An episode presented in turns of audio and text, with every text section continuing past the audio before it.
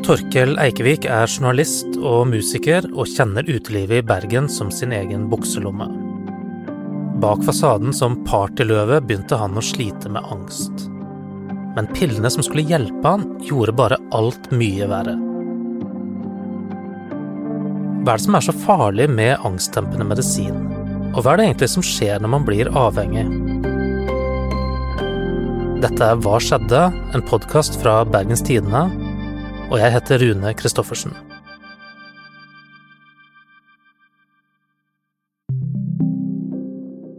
Ja, eh, jeg er Torkel Eikevik, eh, 31 år gammel mann fra Dali Sundfjord. Sunnfjord. Så det er der jeg kommer fra. Sogn og Fjordane. Eller nå, nå er det vel ikke det lenger, nå er det vel eh, Hva er det, Vestland? Vestlandet. Vestland, Ja, æsj. ingen som forholder seg til det. Det. ja, så jeg kommer fra Dale der, da. Når jeg var 18, så ville jeg jo studere. Eh, Da reiste jeg hit. Eh, Så har jeg vår siden da. Jeg husker ikke hva jeg studerte. Jeg tror jeg studerte religionsvitenskap eller noe. Jeg bare tok det første jeg kom inn på. Og så har du tatt eh, filosofi og psykologi og Ja. litt forskjellig. Ja, det har jeg. Jeg har tatt psykologi og, eh, og journalistikk, da, så klart. Men altså, i den perioden når du var student, da, var du, vil du si at du var mest student eller mest musiker? Uh, jeg vil ikke si jeg var student engang. jeg, var, jeg, jeg var veldig masse på byen, det var jeg.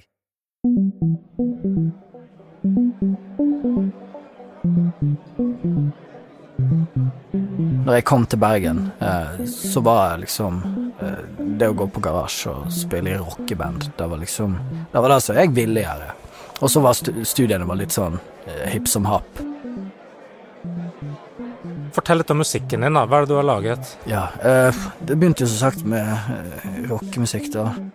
Og så fikk jeg, jeg vet ikke om det var et identitetsbrudd, eller hva det var, en liten krise, så da fikk jeg lyst til å, først lyst til å gå for meg sjøl, og så lage rapp av alle ting. Jeg tror jeg gjorde det som et lite stunt, for å teste liksom om jeg kunne det der. Eller det var liksom eh, Jeg, jeg vet ikke helt hva som motiverte meg til det, men det var bare sånn Jeg, jeg syns det virka så enkelt. Det som ligger ute på Spotify nå under artistnavnet Eiken, det er jo litt sånn her eh, Det er jo veldig eh, representativt for hvordan det er inni hodet mitt, da, for det er veldig masse ulikt. Alt fra 80-tallsmusikk til 80s pop til Og så er jeg med gitarsoloer, og så jeg spiller en sjøl. Jeg er jo hovedsakelig gitarist. Jeg er jo egentlig ikke vokalist. Klarer du å freestyle litt nå, eller sånn ta det litt på sparket? Nei. jo, jeg klarer det, men jeg kommer til å få helt hetta når jeg hører det i etterkant. Så eh, men, Ja, men eh, Ja, så den der rappgreia, det er litt sånn her eh, Det var nesten en sånn fjollete greie som bare var til, og så, måtte, jeg- så ble jeg litt sånn stuck in character.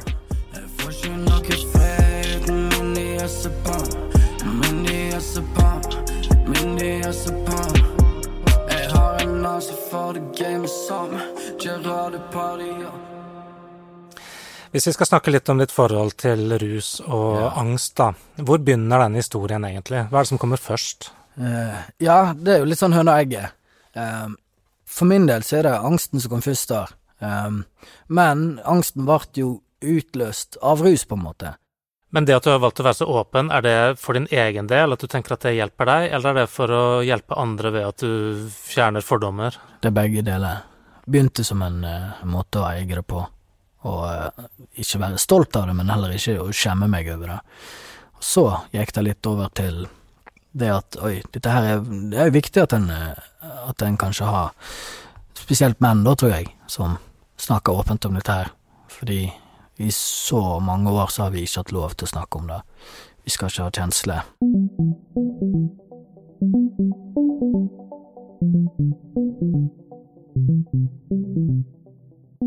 Og så har du skrevet om en slags ond sirkel som du kommer inn i, da. At du drikker fordi du har angst, og så får du angst fordi du drikker. Ja, eksakt. Og hvordan er det å leve på den måten? Ja, eh, det er slitsomt. Det er slitsomt, for at du, du føler seg en idiot. Um, for det her er jo En kan jo si at det er sjølpåført, sant, men samtidig ikke. For at for meg så var det at de, de timene jeg drakk, eller ruste meg, da var jeg ikke så intenst til stede i hodet mitt som jeg ellers ville ha vært. Og det skapte en, det skapte en frihet. Bare de små timene der jeg kunne ha det slik, og ikke tenke. Ikke tenke så går det mye. Ikke kjenne så veldig etterpå alt i kroppen hele tida. Det var nok til at jeg syntes det var verdt det på en måte å være helt ødelagt dagen etterpå, som jeg da vart. Og det vart jeg lenge, og tenkte at nei, det var ingen måte ut av dette her annet enn å fortsette å drikke. Sant? Så jeg hadde alltid klar to pils til jeg våkna opp, da. Men jeg så aldri på meg sjøl som en alkoholiker heller, for jeg klarte jo å ikke drikke alle dagene i vek Altså sånn, det bildet av en, en har av alkoholisme er ganske eh, gammeldags, egentlig. At en ser for, meg, for seg en sånn eh, en kall som sitter hjemme med masse spritflasker fra Polen og bare hyler nedpå. Det er nødvendigvis ikke den, eh, nødvendigvis den forma det tar, da. Vi må snakke om eh, benzodiazepiner. Mm. Vanskelige ord. Ja, det er vanskelige ord. Kan kalle det benzo, kanskje. Vi kan kalle det benzo. Hva er det for noe? Det er angstdempende medisin. Enkelt og greit. For meg så føltes det ut som det mest himmelske jeg har putta i kroppen min. Fordi det tok vekk den den latente nervøsiteten inni meg. Den forsvant. Jeg følte kontroll, ro og lettelse. Kronisk lettelse. Jeg var på det. Som tenåring så tenkte aldri Torkel at han var en spesielt engstelig type. Han visste egentlig ikke helt hva angst var. Det lærte han på en klassetur da han var 18 år gammel. På flyplassen i Praha så fikk han et kraftig panikkanfall. Torkel trodde at det var noe galt med kroppen hans. Så jeg endte opp med å gå til læreren min, og, eh, og han snakka meg gjennom dette her og sa at nei, dette her er angst, sa han. Du har et angstanfall. Og så jeg prøvde å si til han er du helt fitt idiot? det er du helt idiot, liksom. Det her, er, det her er ikke angst. Jeg har jo et, har jo et sammenbrudd i kroppen min, liksom. Det går jo ikke Det går ikke an å at, at det skal bli mentalt. I midten av 20-årene så var Torkel full i angst, som han prøvde å drikke bort. Og så skjer det noe som skal få store konsekvenser. På en 17. mai-fest får han ufrivillig i seg et stoff som gir en skikkelig dårlig rus. Med full panikkangst og hallusinasjoner går Torkel til legevakten. Der får han to Sobril og en banan, og beskjed om å slappe av. Men så plutselig begynner denne tabletten å virke, da. Det, er mens jeg går hjem. Og da Da bare får jeg en sånn En sånn flytende kjensle av Ja, ro inni meg. Spesielt når du har vært så høyt oppe, og så det å flyte ned. Det var en ufattelig behagelig følelse. Så jeg husker jeg bare la meg i byparken, og så, og så sovna jeg. Var du skeptisk til å begynne med de pillene, eller Ja, tenkte du at det var løsningen da? Jeg var kjempeskeptisk, men samtidig så Så eh, jeg hadde ikke lest noe mye om dette her, eh, så jeg ville ha flere. Så jeg gikk til fastlegen min og sa sånn Jeg er redd for å miste jobben min. Og forklarte han min historie med panikkanfall, og sa sånn jeg, jeg, jeg er sånn Nå er jeg ekstra nervøs, så jeg kommer ikke til å klare å komme på jobb. Jeg må ha nok se at jeg ikke mister den jobben, for da går alt til helvete. Og jeg begynte å ta det med, med etter behov, da, som en gjør. Men det som er greia, er at den terskelen for å ta den pilla blir mindre og mindre og mindre dess mer en har liggende. Hvis du bare har én liggende, så vet du den sparer du til på en måte flyturen eller tannlegebesøk eller intervju eller hva det måtte være, men til slutt så blir det til at en tar den pilla hele tida, for at en er jo alltid litt nervøs for noe. Og så tok jeg én, og så kjente jeg plutselig at ah, nei, jeg er fortsatt litt nervøs for en ting. Så tok jeg to, og da var det liksom bedre. Og så tok jeg to mens jeg drakk, og da var det sånn Nå, er- nå flyter jeg. Nå, det, det er sånn jeg skal føle meg, tenkte jeg. Og det, det husker jeg gikk rundt og lurte meg sjøl med å tenke Å ja, det er sånn vanlige folk går rundt og føler seg? Nei. Vanlige folk går ikke rundt i pillerus er på, på en snurr, liksom.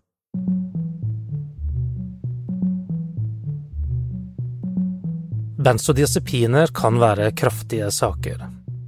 Hvis man ikke har resept, så er de ulovlige, og det er det en grunn til. Hvis man bruker dem for lenge, så er det enormt vanskelig å slutte. Abstinensene kan være helt forferdelige, og noen opplever at angsten blir verre. I 2020 var det 1,2 millioner nordmenn som brukte minst én resept på denne typen vanedannende legemidler. I tillegg kommer all den illegale bruken. Politiet beslagla over én million piller med benzo i fjor. Nå sier legen at han ikke vil gi Torkel flere piller. Så legen sier stopp, han sier at dette er avhengighetsskapende, nå holder det, Mm. og han ber deg slutte å drikke og ber deg begynne å trene kampsport. Ja, samme. Hva gjør du da? Nei, jeg lytter ikke til han iallfall. Syns han var en sjølgod tulling. Nei, eh, slutt å drikke var ikke aktuelt, tenkte jeg. Fordi at eh, jeg, jeg så på det som eh, min velfortjente pause. Og det var slik jeg sosialiserte, det var slik jeg møtte folk, det var slik jeg møtte jenter, og jeg tenkte at det å kutte ut det, det var liksom som å kutte ut um, En av de største delene i livet mitt, det var, det var som en del av identiteten min. Jeg burde jo hørt på det han sa, selvsagt, men jeg klarte da å få tak i Få tak i um, Få tak i det på egen hånd. Og hvordan gjorde du det? Nei, først Det er flere, flere etapper der. Først så hadde jeg spurt en kompis om han kunne ordne meg noe, og han kjente noen som kunne ordne det. Så eh, fikk jeg tak i noe som heter Rivotril, det er jo egentlig epilepsimedisin, men det er et veldig potent benzodiazepin, da, eh, eh, med virkestoffet klonazepam. Veldig vanedannende, og det er jo personlighetsendrende medikament i tillegg.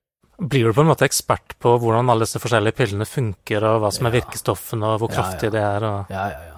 Det ble jo en science, det der, på en måte, akkurat hvor mange jeg måtte ta for å Hvis jeg liksom, hvis jeg skulle på byen, så kunne jeg dele den opp i fire, for da, da ble jeg loose, men ikke for loose. Eh, dagen derpå så måtte jeg ha en halv, hvis jeg hadde panikkanfall, så måtte jeg ha, så måtte jeg ha en hel pille pluss en halv seinere. Altså, det, jeg var helt Jeg var ekspert på det der, ja. Fellesnevneren var jo bare at alle fikk meg ned, og eh, gjorde det behagelig inni skotten min. Men så kommer det et slags vendepunkt da, når du eh, oppsøker eh, et miljø som du ikke har hatt noe kontakt med før. Ja, det, det gjør det. Det er jo når jeg går tom for disse eh, 20 pillene jeg fikk i utgangspunktet, så var jeg i samme situasjon igjen, så jeg måtte ha flere. Jeg prøvde å slutte, men eh, du får fysiske og psykiske abstinenser på dette greiene, og det, det det gjør, er at det, det forhøyer de problemer du allerede har hatt, og sende de gjennom taket. Så den angsten jeg hadde opprinnelig, den var jo nå skyhøy i forhold. Og når de 20 pillene var tomme, og jeg gikk gjennom disse miniabstinensene og, og, og begynte å slite med å komme meg på jobb, begynte å, begynte å slite med å møte opp, eh, så måtte jeg ha nye. Iallfall for å opprettholde den livsstilen jeg hadde. Da reiste jeg til det som da var Strakshuset. Der hadde jeg lest at uh, der, der gir folk uh, deg billig benzo, liksom, hvis du, hvis du har med deg litt cash. Så da gjorde jeg det. Så spurte jeg folk har du, har du benzo på deg, har du Rivotril. Ja, det hadde de. Alle hadde det. De hadde glass, alle sammen. Men, men hvor stor var den terskelen for deg å dra til Strakstunnelen for å få tak i piller? Første gangen så var det vanskelig. Da følte jeg meg som at eh, Er det her jeg skal ende opp, liksom? Er dette starten på slutten? Eh, Alle de tankene der sirkulerte veldig mye rundt i hodet mitt. Og etter første gangen så var det jo enklere å gå gang nummer to. Og gang nummer 50 og 100 så var det jo ikke Det var ikke noe stress engang. Jeg kjente jo folka. Jeg husker når jeg gikk ned der etter sånn Så jeg hadde vært på sånn fest i to dager og tatt amfetamin og på mine seinere år, helt jeg på å begynte å ruse meg på den måten òg, så Og gikk ned dagen etterpå mens jeg ikke hadde sovet eller noe ting, og var helt skjelven og tenkte at oi faen, jeg må ha benzo nå, eller så klikker det, liksom, eller så skyter jeg noen. Så eh, da følte jeg meg vel sånn oi, nå er jeg her. Nå er jeg her på ekte, liksom. Jeg husker det en dag jeg gikk der og subba i regnet og var helt blåst og ikke klarte å, ikke klarte å roe meg ned. Jeg tror jeg hadde rukket eh, styrta seksuell eller noe og kasta opp, bare for å prøve å få en eller annen form for ro. Så hadde jeg da kommet meg ned der, og når, når jeg husker når jeg la den pilla under tunga og kjente den mintsmaken spre seg i munnen, og den, den følelsen det ga meg at allerede da var jeg rolig, for da hadde jeg fått tak i medisinen min. sånn. Torkel skjønner at han trenger hjelp, så han legger seg inn til avrusing. Personalet på rusklinikken i Skuteviken er helt fantastisk, sier han. Men likevel så blir det en knallhard tid. Det var en litt vanskelig beslutning å ta, men jeg tenkte nå ok, jeg gjør det. Så reiste jeg på Skutviken, da, som er desidert eh, den verste plassen å være i Bergen. Fytti grisen. Hva er det som gjør at du bestemmer deg for å ta det steget, da? Jeg var lei av å eh, Lei av å kjenne meg som en slave til et preparat. Og det blir jo på en måte som en Når en slutter med de greiene der, så blir det jo som en eh, fem år lang eh, bakrus. For at det er bare sånn Oi, så masse jeg har gjort, så masse idiotisk jeg har gjort på fylla. Å kombinere de der tablettene der med alkohol, det, det blir jo helt tullete. De kaller det jo for eh, fyllearrestcocktailen.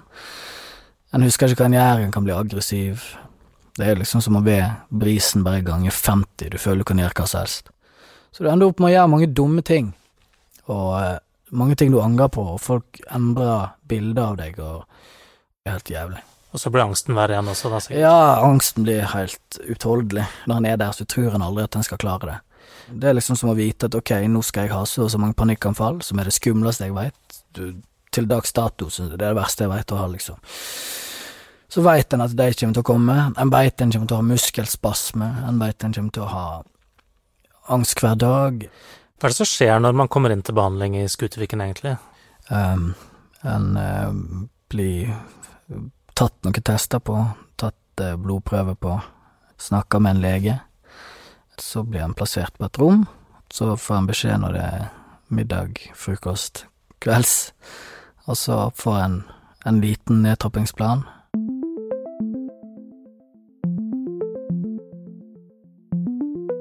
Nedtrappingen skjer så raskt at abstinensene blir nesten uutholdelige. Torkel forteller om to uker med søvnløshet, svettetokter og vrangforestillinger. Etterpå går turen til en annen klinikk, Dr. Martens i Sandviken. Der bor han hele sommeren på en stabiliseringspost for at han ikke skal rykke utpå igjen. Var det noen av de du møtte der som gjorde ekstra inntrykk? Ja, det var flere. Det er flere jeg har kontakt med i dag òg. Det er så mange tunge historier, det er så mange tunge skjebner. Og Jeg begynte rett og slett å respektere dem for at de satt der de satt og ville være rusfri, til tross for at livet gikk imot dem på alle punkt. Folk eh, mista familien sin og var egentlig aleine, men jeg tenkte jeg skal iallfall være rusfri. Og den holdninga Du er knallsterk hvis du tenker det. Når livet går så hardt imot deg, så er du villig til å slutte på det preparatet som gir deg ro.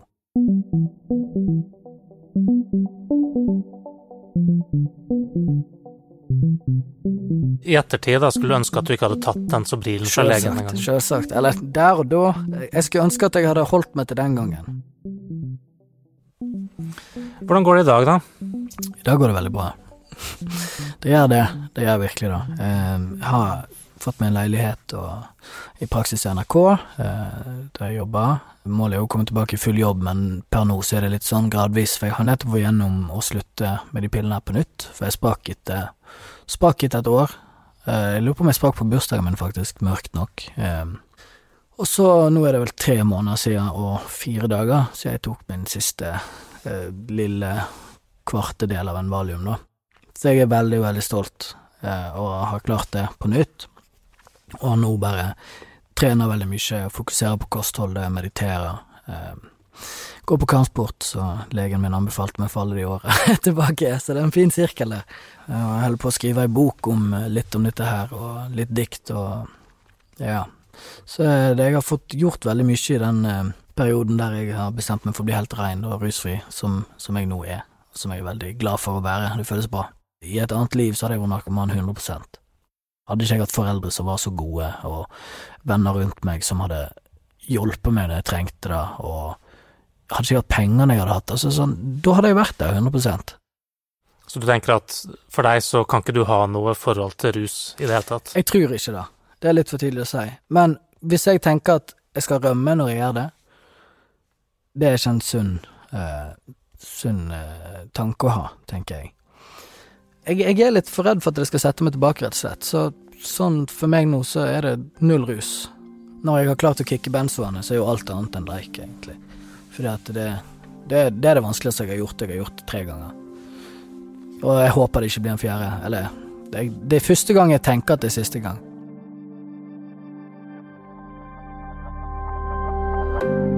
Denne episoden er laget av Anna Offstad og meg, Rune Christoffersen.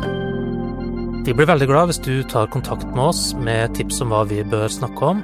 Adressen vår er hva skjedde at bt.no.